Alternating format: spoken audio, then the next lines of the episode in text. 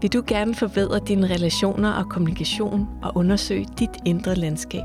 Du lytter til Enagrammet Next Level podcast. Din vært er Flemming Christensen.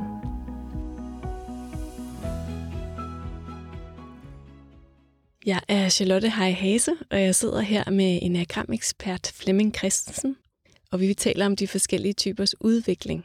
For gennem nogle interview med de forskellige typer, så har Flemming fået øje på, at der er nogle ting, hvor at hver type går fra en normal tilstand til et nyt normal.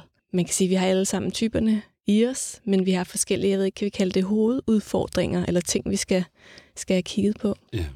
ja, vi er jo kommet til sekseren, og, og, og det vi fortæller om sekseren her i den her podcast, er jo noget, alle mennesker har. Jeg kommer til at tænke på, at jeg havde en enagramaften enagram-aften i går. Sådan en kører vi en gang om måneden med forskellige temaer. Og bagefter kom der en øh, gut op til mig og sagde, jeg, jeg, jeg ved ikke, hvor jeg hører til. Testen siger øh, 6, 9 og 7, men, men jeg, jeg kan simpelthen ikke finde ud af, hvordan, hvordan finder jeg ud af, hvad jeg er sådan helt præcist? Og så begyndte jeg at forklare lidt om, der er nogle temaer over i, i 9'eren og i 7'eren og i 6'eren. Der var ikke noget af det, der passede. Så gik jeg ind og forklarede, at hvis det blev overgjort, så bliver nieren sådan lidt, øh, lidt passiv, og 7'eren, 7'eren bliver sådan lidt barnlig og lidt sarkastisk, og sekseren begynder sådan at blive projektlederen i familiens liv derhjemme. Så det, der var ingenting, han kunne...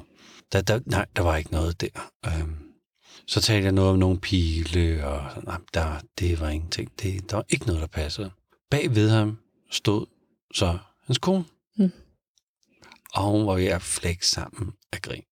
Så mange gange, så kan vi andre se en hel masse i, i dem, vi holder af, uden at de selv kan se det. Og det gælder jo for alle typer, men for sexere især. Det her med at se mig selv præcist, det er det, jeg godt kunne tænke mig. Så præcis er det sådan. Så hvilken som helst ting, jeg så sagde i går, at det var ikke lige sådan. Det var, det var lidt på en anden måde. Så kunne jeg også spørge hende, hvordan var det så? Ja, det var så også svært at sige. Der hang jo sådan lidt af situationen, eller hvem man var sammen med. Så jeg har en, en tilgang til mig selv, som ikke er særlig præcis. Og inden i det ligger der noget usikkerhed om, hvordan får jeg så truffet de rigtige beslutninger om det, der er væsentligt. Fordi hvad er så væsentligt, at jeg skal træffe de væsentlige rigtige beslutninger om det hele i livet. Så jeg kunne egentlig godt tænke mig, hvis nu der var nogen, der kunne guide mig, mm. altså som jeg virkelig kunne stole på, en autoritet inden for, hvorfor man reparerer sin cykel. Hvad er den rigtige måde at køre en konfirmation af på? Hvordan finder jeg min type? Skal man være leder? Skal man ikke være leder? Alle de her spørgsmål, som alle mennesker møder, bare der dog var nogen, der kunne, kunne guide mig i det. Og jeg har lidt en tendens, at hvis jeg så finder et sted, hvor jeg får repareret min cykel, og jeg får lov til at gå rundt og kigge ned i cykelværkstedet, og får en sludder med dem dernede, og høre, hvor de køber deres øh, ting ind, og kan se, at der er styr på skrueskuffen og sådan nogle ting. Altså, så begynder tilliden at vokse. Og så kan jeg også begynde at spørge cykelmanden, hvor køber man den gode ost hen, og hvor man sådan sikker på, at øh, de ikke tager en med næsen, hvis man skal købe nogle antikviteter eller sådan et eller andet. Jeg lægger min tillid over i nogen, der synes at have styr på sit. Men så skal der ikke særlig meget til for at miste tilliden igen. De skal bare komme til at lave en lille fejl, eller komme til at sætte, øh, skrue en øh, ringklok på cyklen, som ikke lige blev skruet ordentligt på, eller der kom måske ikke sådan lige noget isoleringstape nedenunder, før man skruede den på, så den, øh, så den gnavede ind i styret, øh, og dermed ødelagde, og dermed øh, gav adgang til noget rust. Så nu kan man jo så hverken stole på cykelhandlerens, hans bud på ostehandler eller antikvitetshandlere længere. Så den der hvordan ved jeg noget med sikkerhed? Hvordan kan jeg, hvordan kan jeg træffe den gode beslutning, så det ikke falder fra hinanden? Og det her med, at tingene falder fra hinanden, det er jo min frygt. At det ikke holder, at det brænder sammen, at det går i opløsning, at det, som vi sådan har arbejdet på at, at få bygget op, om det er sommerhuset, vores cykel, eller vores øh, hjem, eller familien, jamen det, det, det, det skal altså holde. Så når ting holder, så kan jeg slappe af og være tryg. Så jeg vil bruge ret meget krudt på at få ting til at holde, så det ikke drætter sammen. De samtaler, jeg har haft med sekserne, har både været sådan opmuntrende, men også sorgmodige. Og opmuntrende, fordi der er en masse øh, livfuldhed og masser af sådan noget selvledelse øh, inde i sekseren. Men den der sorgfuldhed har handlet om, at jeg egentlig gerne ville, men jeg turde ikke. Jeg kunne egentlig godt tænke mig at have gjort, men jeg har lagt en dæmper på mig selv. Så jeg vil jo gerne være modig, og jeg vil gerne sådan kaste mig ud i de her første skridt. Men når sexere begynder at være modige, så bliver de dumdristige. Så de, så de kommer til at, at putte noget spontanitet ind, så tingene ikke længere er gennemtænkte. Og, og der er sådan lidt det daredevil over dem, at, at jeg prøver at sætte tingene sådan øh, øh, lidt på spidsen, for, for at, at få mig selv ud af den her bekymringszone, som jeg er i. Og det er jo sådan lidt, lidt hårdt at se på, når det, når det går virkelig galt. Så det her med at starte en virksomhed op, som alle kan se, det, det, det holder altså ikke. Eller tage en eller anden rejse et eller andet sted, hvor man bliver rullet første gang, man sætter sin, øh, sin fod uden for lufthavnen. De kan komme til at lave nogle voldsomt dumme ting. Men det synes at være sådan en del af, af læringsprocessen til at finde modet i, hvad er det nu, der er det rigtige at gøre. Jeg har også opdaget, at deres, øh, deres mod bliver sådan en sammenkobling af noget kropsligt, noget handlingsorienteret, plus noget emotionelt at jeg har kontakt med mit indre kompas, så jeg faktisk gør noget, hvor jeg er lojal over for mig selv. Så der er ofte meget handling i det. Og det er handlingen, der får mig ud af hovedet. Det er handlingen, der får, ud af, der får mig ud af min tvivl. Men jeg skal lige igennem sådan nogle øh, dumdristige, tåbelige øh, perioder af mit liv også. Og den, den indre tvivl, den handler om det der med, at ting skulle falde fra hinanden. Ja. Er, der, er der noget øhm, selvsnak her? Okay. Okay. Hvad, hvad går den på? At at den her, den skal tænkes ud, den her, den skal planlægges, hvad er den bedste vej frem, hvis nu det her ikke fungerer, hvordan kan jeg så fungere det? Nu skal vi køre konfirmation her i weekenden, øh, hvad nu hvis maden ikke bliver leveret? Skulle man selv lige købe lidt ind, øh, så man var sikker på, man havde mad? Kan man, altså er det okay at bestille mad to forskellige steder, hvis nu den ene svigter? Hvor sent kan man egentlig aflyse maden? Så skal vi også have noget at drikke. Øh, kan man, kan man købe noget sådan en vinhandler? Hvis man nu ikke drikker alt vinen, kan man så levere vinflaskerne tilbage? Er det overhovedet muligt? Eller hvordan fanden skulle jeg komme igennem 20 kasser vin, hvis folk øh, øh, ikke drikker vinen? Øh, ja. Og hvad med øl? Drikker folk øl i dag? Det er jo ikke til at sige. Mm, er der nogen, der skal have den kolde øl? Skal det en varm øl? Hvor, hvor længe kan vin egentlig holde sig? Altså hvis nu man alligevel beholdt det par flasker, hvor længe kunne det så holde sig? Uendeligt, uendeligt, uendeligt. Men noget, der for os ligner bekymring. Mm. Men igen, det er min normaltilstand. At jeg bare lige tænker, alle alle varianter, alle muligheder, alle faldgrupper, alle tvivlsspørgsmål får jeg lige tænkt igennem. Begår sekseren så færre fejl end andre? Hmm, det er da et meget godt spørgsmål. Man kan i hvert fald sige, at de er mere typisk mere forberedt. Og hvis jeg skal bygge mig en carport, så vil det godt være, at jeg lige kører ned i byggecentret og ser, hvor lange stykker træ kan man få i et stykke. Så, så hvis nu man skal lave en carport, der er 2,80 lang, mm, men de her træstykker, de kommer i 2,60, skulle man så ikke bare lave den i 2,60? For det ville være tåbeligt at skulle sætte de der stykker på i, i enden. Så, så der er en anden øh, planlægning, der er lidt mere grundigere. Men jeg kan også komme til at overplanlægge.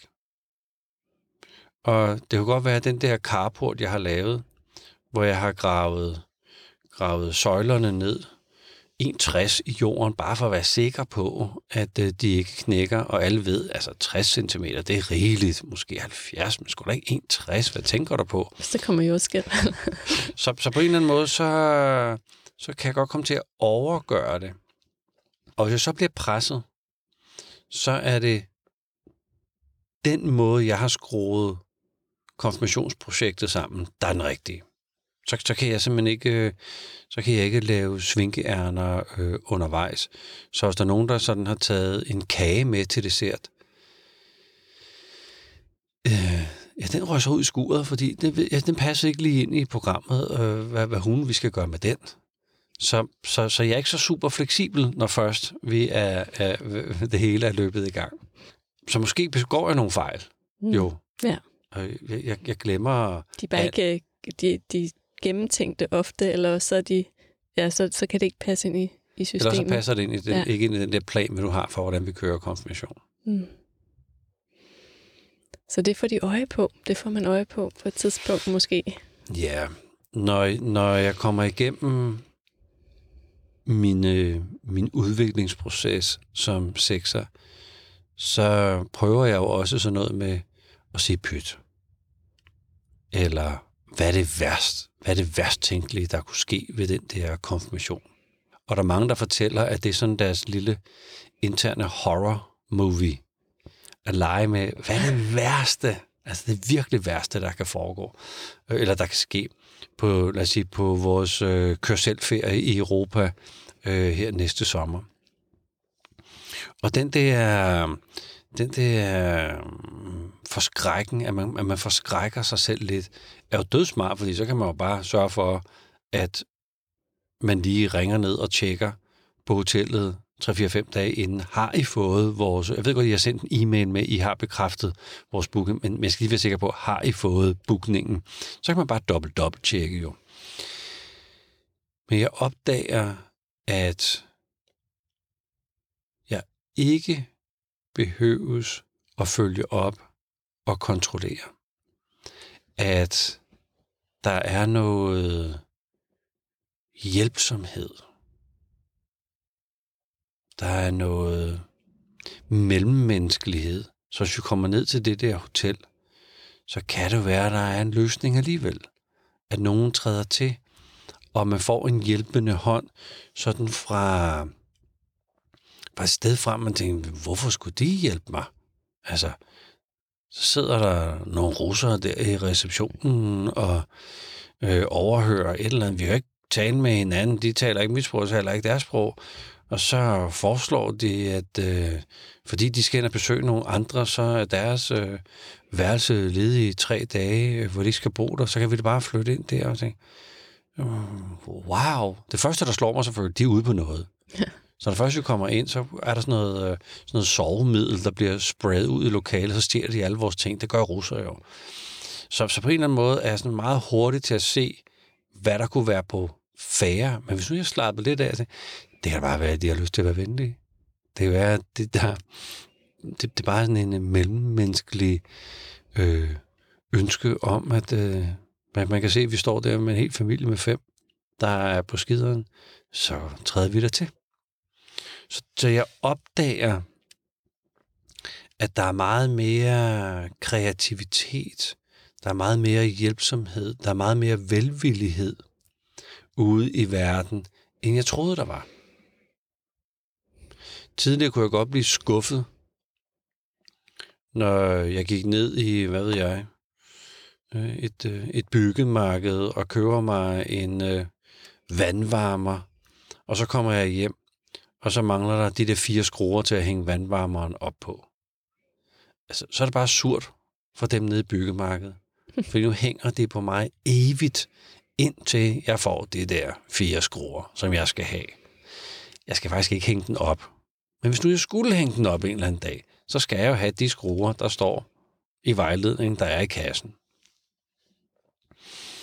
Og det kan være, at folk nede i byggemarkedet og tænker, tag nu bare en helt ny kasse. Vi er fuldstændig lille. Vi har fået 300 mails fra dig, du har været nede hver evig eneste dag nu et halvt år. Tag en kasse og skrid ud af vores liv. Så jeg kan også blive sådan for, for, for dedikeret til noget. Og jeg vil være fuldstændig overrasket, hvis jeg så kommer ned i byggemarkedet. Og den der ekspedient tager imod mig og siger, Nå for søren, ved du hvad, øhm, det har vi aldrig prøvet før. Men kan du ikke lige give mig den der vejledning, så jeg kan se, hvad der er for nogen? Hvis du lige holder her et øjeblik, så har jeg faktisk en kasse ude i bilen af mine egne skruer, fordi jeg retter rundt og sætter sådan nogle vandvarmer op. Så jeg henter lige fire skruer til dig. Det er din. Der ville man som sex være sådan helt paf over, at det var så nemt, så smidigt, og folk kunne være så hjælpsomme. Men det begynder jeg, det, det er det, jeg øver mig på, og når jeg er i min nye normal tilstand, så sker der løsninger, der i starten er sådan lidt på mirakuløs vis. Hvordan? Hvorfor skulle han gå ud i sin bil og hente fire skruer i sin egen værktøjskasse? Men det sker jo. Og lige nu, mens vi sidder og taler her, så ser jeg hovedpersonen i bogen og filmen en mand, der hedder Ove. Mm. Har du set den? Jeg har læst noget af bogen, ja. der diskuteres meget, om det er en etter eller en sekser, men for mig er det helt klart en sekser. Og for mig, der, eller for ham Ove der, der er Saab jo det eneste rigtige. Han kan til nød sådan lige leve med, at øh, en af hans gode venner kører Volvo, sådan men, men da den gode ven kører BMW, så mistes loyaliteten, så mistes troen, så mistes øh, båndet, relationen. Og til sidst i, øh, i filmen og i bogen, er der en hel masse kreativitet og hjælpsomhed, som går op i en højere enhed. Og der tjekker den her hovedperson sådan lidt mere, han nærmest sådan øh, små, småløber rundt og har et smil på. Man ser ham for første gang smil der i, i den sidste del øh, af filmen. Vi får noget til at ske sammen. Så det er, det er, det er, at noget kommer til at lykkes alligevel, og jeg gør det sammen med andre. Jeg skal ikke ud og skubbe på andre, men vi gør det her sammen. Det er en lykke tilstand for mig som sekser, og det bliver også min nye normal. Så tillid, tillid til, at man ikke helt selv skal bære det hele, og åbenhed for det, man ikke kunne forudse. Ja, og så en eller anden, øh, nogle, nogle tættere bånd til de nære relationer. Mm. Og noget af det, der, der styrker de nære relationer, har været, at de har fortalt de nære om deres bekymringer. Min far bor jo i det her sektorunivers, og han, stil, han er stille og roligt begyndt at fortælle mig om hans bekymringer. Ellers så får vi det ikke at vide. Så dealer jeg med det selv, så, så tager jeg den selv. Jeg, jeg skal, jeg skal nok passe på jer andre. I skal ikke høre om alle de bekymringer eller ting, der kunne ske. Jeg skal nok skærme jer. Så på den måde mm, påtager jeg mig et meget stort ansvar, især over for familien eller over for mit team, eller, eller dem, jeg nu på en eller anden måde mm, vil passe på. Så sekserens beskytter måde ligner lidt otteren. Så hvis man er inde under mine vinger som otter, så passer jeg på dig. Så kan folk bare sige hvad som helst, men nu siger de det altså til mig først. Og så kan de få lov til at mærke, hvordan det er, hvis man siger sådan til nogen. Der er, det, der er der noget andet i sekseren, fordi det er, det er enheden, jeg gerne vil passe på. Det er familien, jeg gerne vil passe på. Det er vennekredsen, jeg gerne vil passe på. Og når jeg begynder at dele at det er det, jeg gør, og det her, det er mine bekymringer. Og folk sådan stille og roligt begynder at hjælpe til med at skabe en løsning. Jamen, så er det det, jeg kan slappe af. Så er det det, at, øh, at det, øh, ja, det organiske, det livfulde, det relationelle øh, bliver vagt til liv, og det er det, der giver mig, det er det, der giver mig livsglæde. Så hvis man sidder og lytter med og tænker, det lyder fantastisk, hvordan kommer jeg derhen? Har du øh, noget, man kan starte med, eller nogle øvelser? Ja. Jeg ved ikke, om det er en øvelse som sådan, men det der med at kaste sig ud i noget, og gøre det alligevel, gøre det på trods af, at man ikke er sikker på øh, hele vejen hen. Der er også den her, øh, at det ikke skal være dumt, at det ikke skal være tåbeligt, det jeg render rundt og laver, så, så vi skal heller ikke helt ud på overdrevet. Men det er noget med, at så hvis nu jeg skal have ordnet den der cykel, så tag den ned til en cykelsmed. Og kør lige noget mavefornemmelse. Og hvis, hvis den er der, så lad manden fikse din cykel. Det, med det samme kan der jo ske det inde i mig som sekser. Hvad nu, hvis det ikke bliver gjort ordentligt? Hvad nu, hvis han går konkurs? Hvad nu, hvis han stjæler cyklen? Hvad nu, hvis han putter sådan en chip ind i cyklen, så han ved, hvor cyklen er, så han kan komme over og stjæle cyklen? Fordi det er jo ham, der har sat en ny hængelås på. Så alt det, det bekymrer sig. So what? Så går den i stykker. Så forsvinder den. Så bliver den stjålet. So what? Prøv at acceptere, at verden nok ikke går under. Det er selvfølgelig ærgerligt, hvis man mister sin cykel, og hvis det er et centralt øh, øh, transportmiddel, øh, så, så, så skulle man måske tænke sig lidt om, eller så må man købe en ekstra kæde. Men det der med at give slip i bekymringen i nogle små eksperimenter, der ikke er alt for tåbelige, det plejer at være en, en god vej. Og der er mange af dem, jeg har talt med, som har eksperimenteret med det, når de har været på ferie. Okay, så, øh, så er der måske ikke bord, når vi kommer mm. der i aften, hvor jeg måske lige havde lyst til at gå derover, når de åbner der kl. 12 og sige, hey, vi ringede ned til jer i går, og øh, I har også sendt en mail, jeg skal bare lige tjekke, er, er vi i bogen, og øh, kan man sidde udenfor, kan man få det her bord og sådan. Tag dig ned. Og hvis de så ikke har fået den, så finder de jo nok en løsning til jer alligevel. Og så er det måske ikke 100% så vigtigt, at det er bordet lige det der nummer syv, som jeg også sad ved alle de andre gange, I har været dernede og spise, øh, på de andre ferier. Det går nok. Så, så de, har, de har talt om, at det er den der ferie, hvor der måske ikke sker så meget ved, at man ikke får det samme bord, som man altid plejer. At man kan tage det lidt sådan, okay, pyt. Og det åbner jo også noget for hele øh, rejseholdet, okay. eller familien, Okay. at der er åbning for eventyr. Ja. Ja, det, man ikke præcis. kunne forudse. Ja, så kan det være, at man... Øh, ja, det kan være, at familien siger, jeg ved godt, at vi stiller bord der i aften. Skal vi ikke bare køre ned og få noget, sådan noget street food og pakke en lille kur og køre på stranden? Det vil fuldstændig brænde sammen oven i hovedet på mig, fordi vi har jo en plan, og vi har aftaler, og jeg har været dernede fire gange og tjekke, om de nu også har fået vores booking. Så det der med at, at, være fleksibel og bryde sig, okay, så gør vi det. Det bliver selvfølgelig nok derefter, agtigt et eller andet kan bo i mig, at det bliver ikke lige så godt, som hvis vi havde fuld planen, men så gør vi det. Og dele med de andre, hvad det var, jeg bekymrede mig om. Så de kunne tage del i min bekymring. Og lige pludselig, så, så begynder den der gode energi at flyde, og så bliver det bare pivhammerende sjovt at tage på stranden med piknik. Mm. Jeg kan mærke, når du fortæller om de forskellige typer, så, så holder jeg af, af mennesket. Altså, det er jo meget interessant, hvordan, hvordan vi tænker. Og det er også, altså, det er også, jeg synes det også, det er humoristisk. Jeg kan jo godt genkende nogle ting her også. Og, og samtidig lidt absurd, at vi kan, altså, vi er jo så kloge, et menneskedyr, at, at det næsten går ondt på os nogle gange. Ja. Men det er jo, det er jo den der basale antagelse om, at hvis jeg ikke er den ansvarsfulde, for eksempel i familien, så falder det helt fra hinanden. Ja, det er jo en stor ting, man har taget på sig. Og hvis man begynder at dele den lidt, kan det jo være, at dem i familien siger, det behøver du faktisk ikke. Det er faktisk lige meget, om du har dobbelttjekket, at der er bord dernede. Vi finder på noget andet. Take it easy. Altså, når jeg deler det, Ja. bliver bekymringen ofte mindre. Ikke?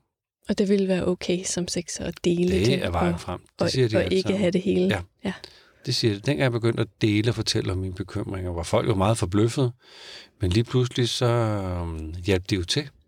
Eller kunne forklare mig. Jeg kunne ligesom få det ud af mig selv og kunne se, Nå, det, det, det var nok lige meget.